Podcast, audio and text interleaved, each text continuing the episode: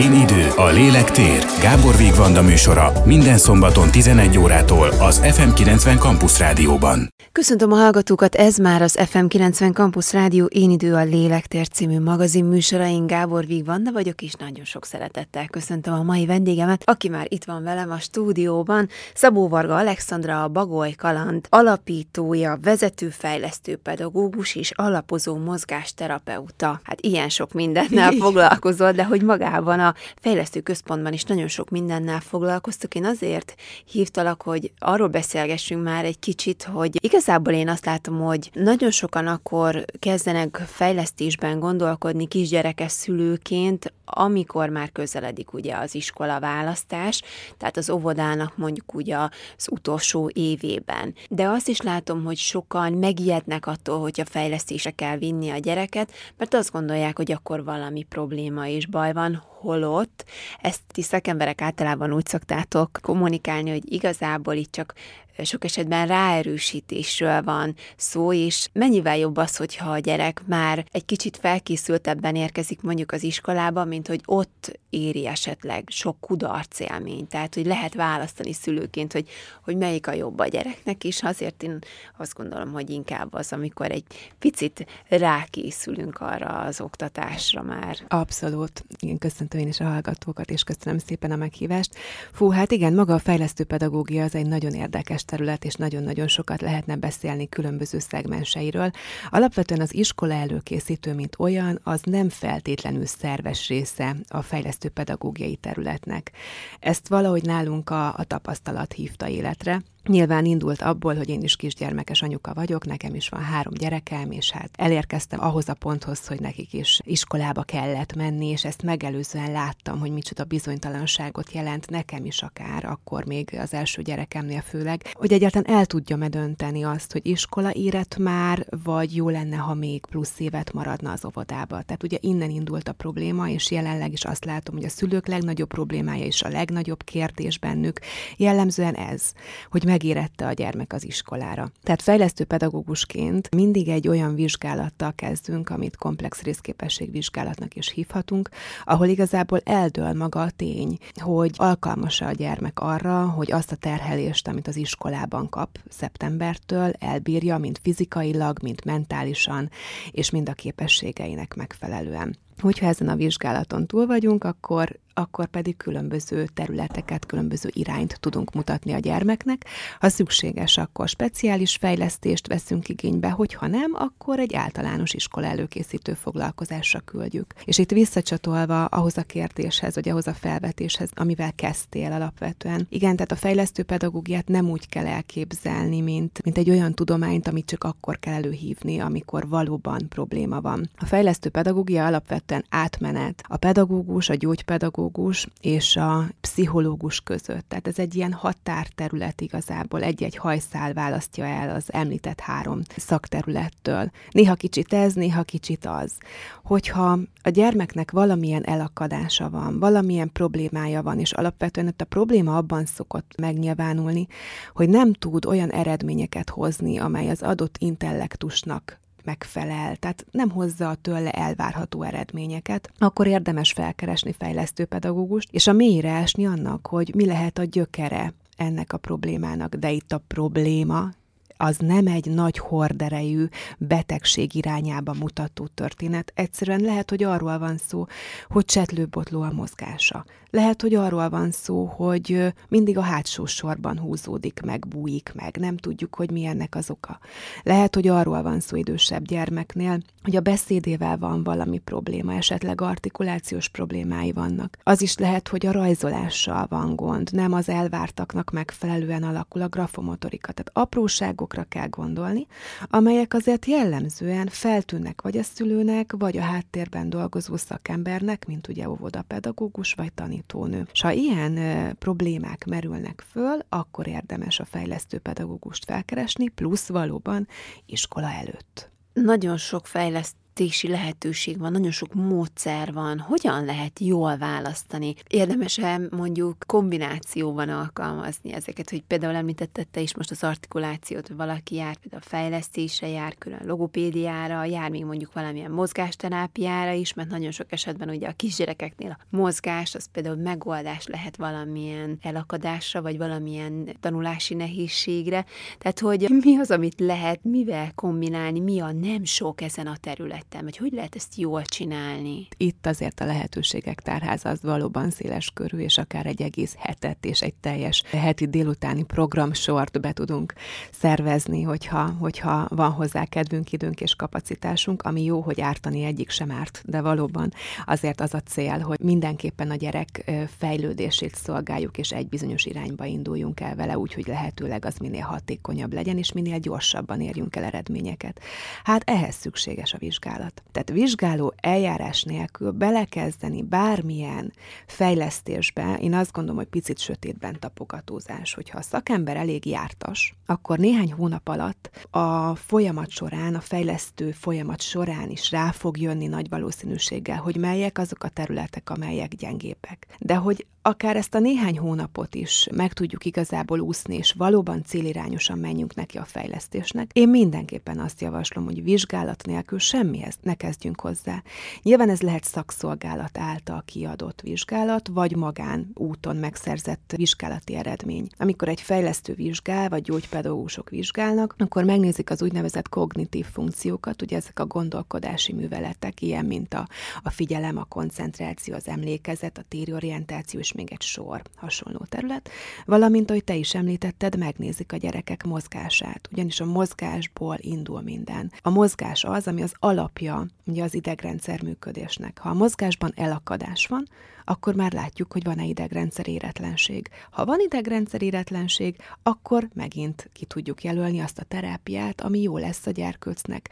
De ha mondjuk csak egy önbizalomhiány, egy szorongás áll a háttérben, akkor nyilván megint más típusú területen indulunk el. Vagy ha több ilyen idegrendszer éretlenségből adódó úgynevezett részképességgyengeséggel találkozunk, akkor pedig egy komplex, mondjuk mozgásfejlesztést tudunk javasolni. Nyilván minden gyermeknek vannak úgynevezett genetikai határai. Tehát mindig ezt kérdezik ugye az első találkozás után, hogy jó, és akkor ez hány alkalom, és hány hónap, és hányszor kell jönni. Hát ezt sajnos nem fogjuk tudni az elején megmondani jellemzően mindig van hatása egy jól irányzott fejlesztő terápiának vagy foglalkozásnak, és ugye itt is fontos a jól irányzott, de hogy ez mennyi idő, hát hat hónapnál kevesebb időre azért azt gondolom, hogy semmiképpen nem, mert az, az nagyjából a varázslással lenne már azonos. Tehát fél év és két év az, ami, ami alatt azért változás tud történni. Ugyanis itt az idegrendszert stimuláljuk, tehát olyan új beidegződéseknek kell létrejönniük, vagy már régieknek átalakulni, ami nyilván belátható, hogy nem egy-két alkalom alatt fog létrejönni. Hogyha mondjuk most akkor maradjunk ennél a két éves fejlesztési időszaknál, ha valakinek már csak egy év van az iskoláig, vagy csak egy fél éve van az iskoláig, hát az úgy nem jön kell. ki az a matek.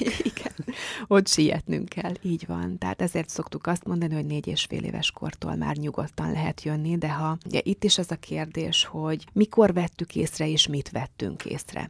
Tehát azért az legyen gyanús, ha mondjuk egy három éves kislány még nem szólalt meg. Vagy az is legyen gyanús, hogyha hogyha mondjuk öt évesen azt látjuk, hogy a gyermek csetlik-botlik, nem tud fölmenni a lépcsőn úgy, hogy kétszer ne essen orra. Tehát van azért egy-két olyan laikusok, szülők számára, pedagógusok számára is nagyon gyorsan, nagyon hamar észlehető jel, ami mellett nem érdemes elmennünk. Ha nincsen nagyobb probléma, tehát tényleg egy részképesség gyengeség, egy kis emlékezetfejlesztés, egy kis finom motorika, akkor azt gondolom, hogy ez egy fél év alatt, egy kilenc hónap alatt nagyon jól kezelhető, és az sem baj, hogyha párhuzamosan megy az első osztályjal.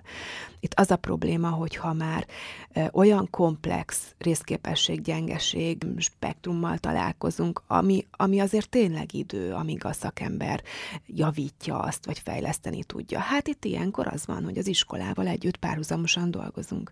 Nyilván ez egy nehezített körülmény így. Azért szoktuk azt javasolni, hogy ha lehet, akkor még óvodáskorban is lehetőség szerint úgy, hogy, hogy legyen még azért idő ott az óvodában is, legalább egy évünk. Kilenc hónap alatt azért már sok mindent lehet csinálni, sok mindennel lehet előre haladni. Mennyire fontos egyébként az, hogy a szülő is tisztában legyen vele, hogy tényleg nem az van, hogy baj van a gyerekkel, hogy most ilyen rettenetes lemaradásban van a gyerek, és hogy ez nem szégyen, hogyha egy ilyen típusú fejlesztésre viszi a gyereket, vagy hát talán jó szó ez a fejlesztés, de hogy a fejlesztésben benne van az, hogy valamiféle lemaradás, inkább mondjuk azt, hogy erősítés. Mondjuk azt, hogy erősítés. Ez egy, ez egy, ez egy én a mentorálás szót is szeretem itt, és alapvetően nem csak a gyerekeknek, sokszor a családoknak, és valóban az anyukáknak is nagyon nagy szükségük van arra, hogy, hogy iránymutatást kapjanak. El vagyunk picit veszve. Nem tudjuk, hogy mik a normák, hogy minek kellene megfelelni, hogy mikor jó, és mikor vagyunk, és, és mikor kevésbé jó. Ráadásul nagyon sokszor hajlamosak vagyunk arra, hogy valóban a tökéleteset keressük, mint saját magunkban, mint ugye a gyermekeinkben, meg hát arra is hajlamosak vagyunk, hogy halogatunk, és ez a másik véglet. Amikor egy terápia elindul, vagy fejlesztés elindul, akkor a vizsgálat után van egy aránylag hosszadalmas beszélget, nyilván ez megelőzi a terápiát, van egy hosszas beszélgetés a szülővel, és itt és itt azért minden olyan apró részletre kiterjed a beszélgetés, ami megerősíti a szülőkben, hogy ide nem azért jöttek, mert a, a a szülő valamit elrontott vagy rosszul csinált, ne adj Isten a gyermeknek valami tragikus betegség áll a háttérben. Ez egy megsegítő szakma, egy segítő szakma, ami azt jelenti, hogy fogjuk a kezét, ha kell a szülőnek, ha kell a gyereknek, egy picit ráncigáljuk, amikor úgy nehezebb előrébb jönni, vagy feljebb lépkedni a lépcsőfokokon, és tesszük ezt mindaddig, amíg a magabiztosság és az önállóság olyan szinten kialakul, hogy már, már nincs ránk szükség. De ez erről szól. Ugyanolyan ez, mint a, mint a pszichológiai megsegítés. Ugye még mindig benne van a köztudatba, de hát nem vagyok én hülye típusú hozzáállás, mikor tudjuk, hogy az egészséges, lelkületű embereknek volna a legnagyobb szüksége arra, hogy bizonyos időközönként pszichológus segítségét kérjék, pont azért, mert mindenkinek szüksége van a ventilálásra, arra, hogy meg tudjon nyílni tét nélkül, hogy néha rendszerbe kerüljön a saját keszekusza gondolataival. Hát valami hasonló tud lenni sokszor a fejlesztő pedagógia is, hogy, hogy segítünk irányt mutatni, segítünk megadni azt a lökést, azt az egy puzzle darabot a helyére tenni, és ez nagyon sokszor elég. Mi a tapasztalat egyébként, hogy általában mik azok a területek, amik erősítésre szorulnak az óvodás korosztályban? Nyilván nagyon, nagyon egyéni Persze, nagyon sokszor a tériorientációval van gond, ami azt jelenti, hogy az irányokat saját testéhez viszonyítva nem tudja a gyermek még magabiztosan eltalálni, belőni. Ez Tehát így van, így van, így van, így van. Jobb. És a jobbal az, az már itt tényleg mindennek a csúcsa. Tehát ezt mindig hozzáteszik a szülők, hogy de hát azt még én sem tudom. E, nyilván itt nem az a legnagyobb probléma, bár erre törekszünk, hogy a jobbal is minél hamarabb kialakuljon.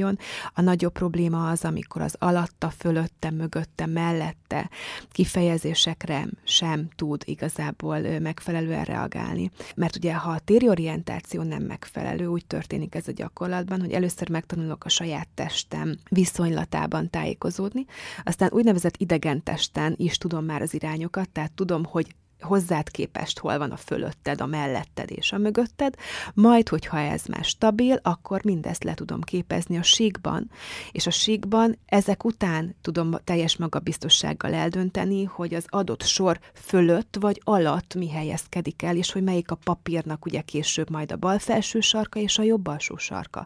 Tehát ez is egy olyan folyamat, ami ha szépen nem épül föl, akkor akkor egyszerűen képtelenség elvárni a gyermektől, hogy egy füzetben, vagy egy munkafüzetben tájékozódni tudjon, mikor a tanítónéni csak ennyit fog mondani, hogy majd a kettes feladat alatt a második sorban nézd már meg, hogy mi a dolgod. És ez egy nagyon összetett rendszernek az eredménye, hogy ezt valaki értelmezni tudja. Tehát itt azért sokszor vannak problémák. Aztán ugye nagyon klasszikus a, a grafomotorika, a finom motorika. A ceruzafogással rendszerint baj van. Nem ismerjük, nem tudjuk mi szülők sokszor, hogy egyáltalán mi az elvárt ceruzafogás. Valahogy megfogta, örülünk, hogy, hogy manipulált a kezével, benne van az íróeszköz, viszont nagyon-nagyon nagy problémák tudnak abból adódni, hogy rögzül a rossz ceruzafogás, és nyilván ismerjük a mini sorközöket első osztályban, és oda azért adott betűelemeket kell majd beilleszteni illesztenünk. Most ezt egy nagyon rossz teruzafogás mellett igazán nehéz megoldani. Ezen kívül előfordul, hogy a test középvonal átlépés az, az nincsen meg. Ugye az orrunktól haladva lefele a testünkön van egy vonal, amit amikor a jobb kezünkben fogjuk az írószerszámot, és mondjuk a papír bal oldalára kell átnyúlnunk, akkor belátható, hogy ezen a vonalon mi átnyúlunk. Na most, hogyha nem rögzült még ez az idegrendszeri metódus, nem tudunk átlépni a test középvonalunkon, akkor automatikusan vagy meg fogjuk fordítani a papírt, vagy pedig teljes testből fordulunk el, hogy ne kelljen ezen a bizonyos testközépvonalon átlépni. A második lehetőség, amikor testből fordulunk, az egy borzasztóan fárasztó mechanizmus, tehát ez 8 órán keresztül egy első osztályos gyereknek annyira brutál fárasztó, hogy második órára teljesen kiég. Hogyha pedig forgatjuk a papírt, akkor meg megint bejöhet a síkbeli tájékozódási probléma, nem tudjuk már, hogy melyik volt a felső sarok, meg az alsó, meg a középső, hiszen teljesen átrendeződött a papírnak a szerkezete. Hát ezek a problémák nagyon sűrűn előfordulnak, és akkor jellemzően van még memória probléma, de a memória probléma, hát na, az egy olyan genetikus, nyilván a, a többinek is van genetikai oldala is, de egy olyan problémakör, egy olyan részképesség-gyengeség, amivel tapasztalataim szerint a legkevesebb eredményeket tudunk elérni pozitív irányba. Ez nem azt jelenti, hogy nem fejleszthető és megint gyerekfüggő, de nincsenek nagy kiugró eredmények, hogy egy középszintű memóriát úgy fölemeltünk, hogy, hogy szinte már. A halolajkapszula nem segít ilyenkor. Mindenre, mindenre. ha hiszünk benne még inkább, de nyilván, tehát, hogy nem azt mondom, hogy, hogy nem lehet elérni sikereket, de, de, de nem olyan látványos, mint mondjuk az említett területeken, vagy az imént említett területeken. És azt gondolom, hogy ha a memóriánk nem jó, de minden más jól tud működni, akkor olyan kapaszkodókat, olyan, olyan jó kis kompenzációs technikákat tudunk magunknak gyártani, ami aztán végül végig segíti a mi tanulási mechanizmusunkat. Hát, ha kell, akkor egész egyetem végéig nyilván. Úgyhogy, úgyhogy ez egy olyan terület, amivel azért lehet együtt élni, de öt éves kortól mondjuk azért úgy nyolc éves korig mindenképpen érdemes bombázni különböző fejlesztő pedagógiai foglalkozásokkal, hogy megadjuk a lehetőségét annak, hogy azért mégis emeljük a, a memória szintjét is ha lehetséges. Említetted te is az idegrendszeri éretlenséget, és én azt gondolom, hogy ez egy olyan félelmetes kifejezés lehet egy szülőnek, amivel ugye nem nagyon tud mit kezdeni, mert idegrendszeri éretlenség, hát miből fakad, hogy lehet rajta segíteni, hogy lehet fejleszteni, hogy lehet az érést elősegíteni. Nagyon sok kérdés, ami forog szerintem ilyenkor egy szülőben. Igen, lehet, hogy egy picit szigorúan hangzik, és maga a szó is már, ugye, hogy ezt vizsgálattal próbáljuk meg analizálni, hogy az idegrendszer akkor végülis mennyire érett. Ennek azért a, a kettőse valóban elég félelmetesen hangozhat. Mindig el szoktuk mondani, hogy, hogy itt nincs baj, itt nincs betegség. Nyilván, aki fejlesztő pedagógushoz kerül, azért egy gyereknek öt éves koráig, vagy négy és fél éves koráig a múltjában már történnek olyan dolgok, hogyha valóban van gyógypedagógiai jellegű probléma, az intellektust érő probléma, bármilyen speciális nevelési igényt előidéző probléma, akkor arról már van tudomása, nagy valószínűséggel találkozott, akkor már gyógypedagógussal volt, már neurológus. Tehát aki eljut hozzánk fejlesztő pedagógusokhoz, úgy, hogy apróságok vannak, amiket említettem, ugye ez már megnyugtató lehet, hogy nagy gond nagy valószínűséggel nincsen a háttérben. De az tény, hogy az idegrendszer érése, tehát ugye a, az agyban a mozgás által különböző kapcsolódások jönnek létre. Ezek a kapcsolódások segítik elő azt, hogy kognitíven a gondolkodási műveleteink minél magasabb szintre kerüljenek. Ugye a beszéd is egy ilyen idegrendszer érésnek a, az egyik csúcspontja, és ilyen maga a finom motorika is. De egyébként finom motorika a beszéd is, tehát a logopédusok is finom motorikai fejlesztést végeznek alapvetően. Tehát, hogyha a, az idegrendszer élésében problémák vannak, akkor azt jelenti, hogy ezek az agyi kapcsolódások nem úgy jöttek létre, ahogyan az az elvárt szintnek megfelelő lenne, de hogy nincs gond ettől függetlenül, csak apró tünetei lehetnek ezeknek, és ezeket a, a kis kapcsolatokat tornával, mozgásfejlesztéssel és egyéb fejlesztő tevékenységekkel tudjuk pótolni, vagy nagy valószínűséggel tudjuk pótolni. De ha nem, akkor szoktuk azt mondani, hogy akkor be tudjuk személyiségjegynek, Tehát, hogy ez a B variáció, mert van olyan, hogy valaki önbizalom, mondjuk a, nyilván az hiányosság az megint egy más kategória, de hogy van olyan, hogy valaki egy picikét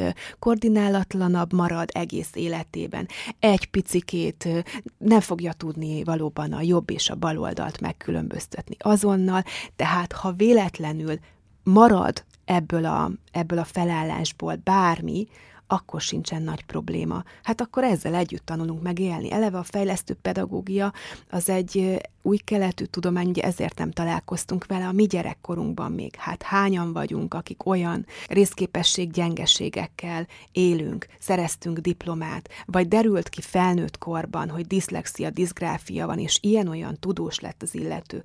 Tehát, hogy nem történik akkor sem tragédia.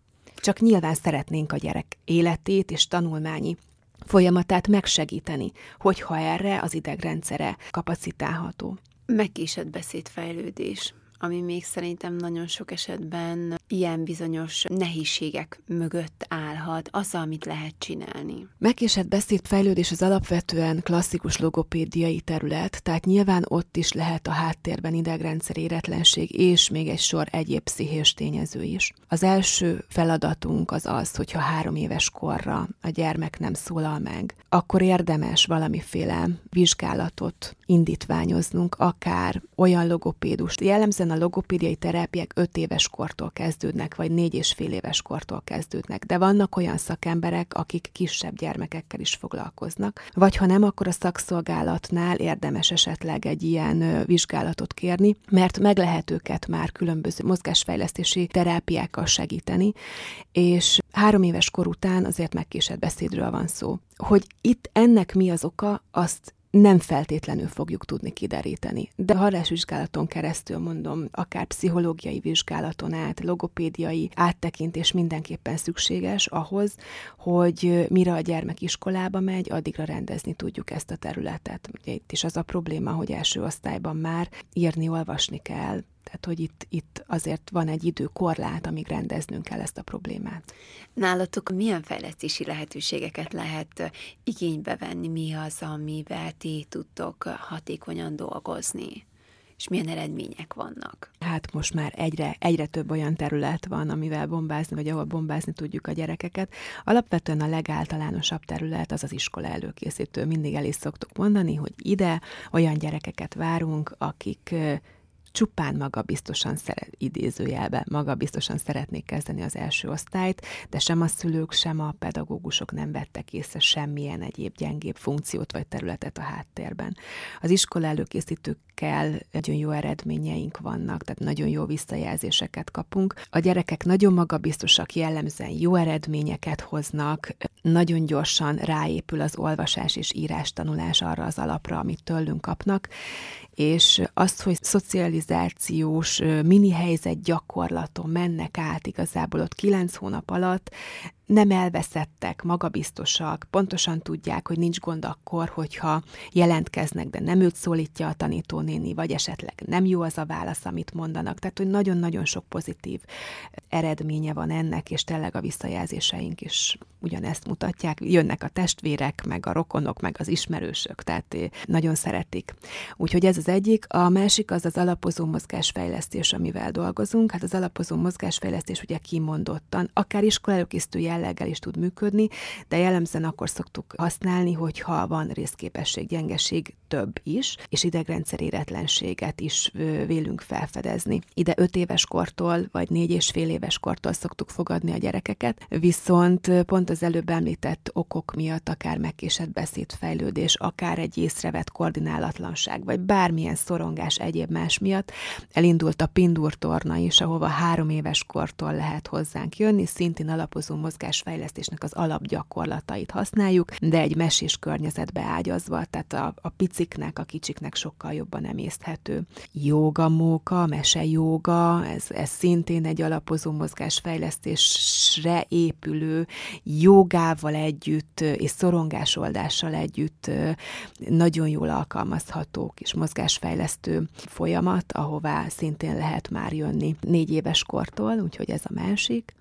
Aztán vannak egyéni egyéni fejlesztéseink, itt jellemzően nagyobbakat, már iskoláskorú gyerekeket szoktunk fogadni, egy-két részképességgyengeség meglételekor, vagy önbizalom növelés céljából, ez, ez ugye ilyen egyéni foglalkozás, és van benne korepetálás is, meg fejlesztés is, tehát ez egy ilyen nagyon furcsa koktél, vagy nagyon furcsa egyveleg, amit kimondottan arra az egy gyermekre építünk föl. Aztán van a szorongásoldó, ez a mozaik szorongásoldó program, ez egy tíz alkalmas terápia igazából, ez is egy nagyon komplex program, ahol 6-9 éves korú gyerekeket várunk, és relaxációs technikától kezdve mindenféle kézműves foglalkozáson át próbáljuk őket megerősíteni olyan szinten, hogy az önbizalmuk, az önértékelésük a helyükre kerüljön, és azt a mélyen lévő szorongás, gócot, aminek nagyon sokszor ugye sem a szülők, sem a pedagógusok nem tudják a gyökerét, ezt fölhozzuk, és elkezdjük szépen oldani. Nyilván azoknak a gyerekeknek szól ez, akiknek nincs olyan volumenű problémájuk, hogy egy másfél-két éves pszichológiai terápiára van szükség. Hát és akkor ezen kívül most fog indulni egy olyan szövegértés fejlesztő, ismételten tíz alkalmas terápia, ami, ami hát szintén azért jött elő, mert azt látjuk a gyakorlatból, hogy nagyon nagy szükség van rá, úgyhogy, úgyhogy ezt is bombázni fogjuk, ezt a területet, erre, erre már most megvan az a tematika, ami, ami nagyon szépen segíteni fogja a gyerekeket, és a dűkezelés a, a következő. Tehát ezzel vannak még nagy problémáink, úgyhogy a dűkezelésre is vannak olyan terápiás lehetőségeink, amire szintén várjuk a, az érintetteket. Ha már a dükezelést megemlítetted, akkor egyébként magának a dükitöréseknek a, az oka, hogy nehezen tűri a, a csalódást, hogyha nem ő nyer egy játékban, nehezen viseli a veszítést például egy játék során a gyerek. Ez is visszavezethető például az idegrendszeri éretlenségre, vagy mi lehet annak az oka például, hogy ezt, mert ezt szülőként is szerintem nagyon sokan magukénak érzik ezt a témát, amikor valamit nem vesznek meg a bolt, és a gyerek levágja magát a földre, és, és hisztizik, és nehéz jobb belátásra bírni ott a szupermarket közepén. Tehát, hogy, hogy ezekkel mit lehet csinálni, és egyébként ezeket a típusú fejlesztéseket, amiket például ti is végeztek, hogyan lehet otthoni kiegészítéssel még hatékonyabbá tenni? Picit ketté választom a kérdést, és a, a dűkezeléssel kezdem alapvetően. Az a probléma, hogy nagyon nehéz szülőként eldönteni, hogy mikor probléma a düh, és mikor nem. Tehát mikor esünk át a ló túlsó oldalára, és mikor kell szakember segítségét kérnünk, és melyik az a, az a dű, ami még teljesen természetes, és a gyermek életkori sajátosságának megfelel. Hát azt szoktuk mondani nyilván, hogy ha önsértő a magatartás, vagy esetleg ön és közveszélyes, akkor ott azért problémák lehetnek, és ez folyamatosan fennmarad. Valamint, hogyha a hétköznapi életünket már megkeseríti a gyermeknek a viselkedése, akkor szintén szakember segítségét érdemes kérni. És ez nem azt jelenti, hogy egyszer a szupermarket közepén megtörtént az ominózus eset. Egyébként a szupermarket kimondottan az a nagyon erős ingereket adó, nagyon stimuláns környezet, ahol ráadásul a gyereket folyamatosan próbáljuk keretek közzé szorítani, és mi magunk is egy felfokozott idegállapotban próbáljuk pakol, főleg most ugye így az áremelkedések után. Tehát próbáljuk próbáljuk a kosarunkat telerakni. Itt azért ne lepődjünk meg, tehát vannak azért olyan következmények, a, amelyek teljesen elvárhatóak, vagy, vagy nem, nem, nem adnak okot meglepetésre. Probléma van, akkor a dű az igazából több okból fakadhat. Ha idegrendszer éretlenség, akkor azért, mert a gyerek érzi azt, tehát felfogja, mert ugye épp intellektussal rendelkezik, bizonyos területeken nem tud úgy funkcionálni, ahogy a saját magától elvárná. Nagyon sokszor ugye ez grafomotorikus tevékenység közepette szokott megjelenni, hogy rajzolni akarok, vagy papírra szeretnék valamit vetni, de nem olyan, nem tetszik, nem, nem, nem az, mint amit elvárok magamtól. Vagy esetleg egy játék közben ö, focizni szeretnék a barátaimmal, de hogy mindig el, elbotlok, összeakad a lábam, elesek, nem. Tehát ö, van ilyen, hogy, hogy azért jön a dű, mert szembesülök azzal, hogy nem tudok a saját elvárásaim szerint dolgozni. Nyilván itt akkor igen idegrendszer éretlenség áll a háttérben, tehát messzire mentünk megint a dű, mint tünettől, és ezt valóban tornával lehet jól kezelni. Hogyha már pszichológiai területre tartozik a dűkezelés, hát akkor az jöhet nyilván családból, szülők viszonyából, bármi olyan mélyen ülő frusztrációból, amihez, amihez pszichológus szükséges, vagy amelynek felderítéséhez kell a szakember de az is lehet, hogy egyszerűen csak egy rossz beidegződés, egy, egy viselkedési probléma áll a háttérben. A szülő egyszerűen nem tudja kezelni a gyermeknek a, a problémáit, a frusztrációit, nem, nem jól húzza meg a határokat, nem elég következetes, és mondjuk ez váltja ki a dühöt, vagy a nevezzük dürohamnak. Tehát, hogy nagyon-nagyon sok olyan tényező lehet, ami, ami a dűre vonatkozó. És ugye még az akkor az utolsó kérdés, mert körülbelül ennyi fér a mai adásunkban, hogy mi az, amit otthon lehet szülőként tenni azért, hogy kiegészítsük ezeket a fejlesztési, Jó, hogy te vagy tartottad, igen, erősítési lehetőségeket. igen, igen, igen. Hát az az igazság, hogy a fejlesztés az alapvetően játék. A fejlesztő pedagógusokra azért van szükség, mert a fejlesztő pedagógusok vizsgálat után nagyon célirányosan, célzottan fognak tudni ilyen játékos tevékenységeket a gyermekek kezébe adni, és látják, hogy mikor lehet ezt nehezíteni, mikor kell könnyíteni, és nyilván van a tarsolyukban egy sor olyan tevékenység, ami egy adott részképesség területet bombázni tud. De szülőként is, hogyha, hogyha látom azt, hogy a gyermeknek a, a rajz tevékenysége nem jól funkcionál, akkor azt gondolom, hogy belátható, hogy minden olyan tevékenység, amivel a kis ujjait ő használni tudja, tehát akár a konyhában rizsnek, a babszemeknek a számolgatása, pakolgatása, vagy csak a, a kint az udvaron a homokozás, a nem tudom főzni a kis növényekből, ami, amiknek tépkedi nyilván azt, amit lehet, nem tudom, füvet, gyomot, bármit. Tehát az a lényeg, hogy használja a kis ujjait, és a másik fontos, hogy soha nem azt a területet vesszük elő, ahol a kudarcélmény megjelenik, hanem egy picit megpróbálunk annak mögé nézni. Tehát ha nem megy a rajz, akkor nem leültetjük, és addig rajzoltatjuk, amíg egy életre megutálja, hanem megpróbáljuk a kezét más típusú tevékenységekkel, vagy az ujjait megmozgatni. Úgyhogy így például a szülők is fognak tudni hozzátenni ehhez a dologhoz. Ha a memóriával van gond, akkor nyilván egy sor olyan memóriafejlesztő játékot, akár az autóban is ülünk a, a, a kocsiban, nem tudom, számolgatunk valamit, vagy próbálja meg a gyermek megjegyezni azt, hogy most csak a piros és a kék színű autókat kell megszámolni.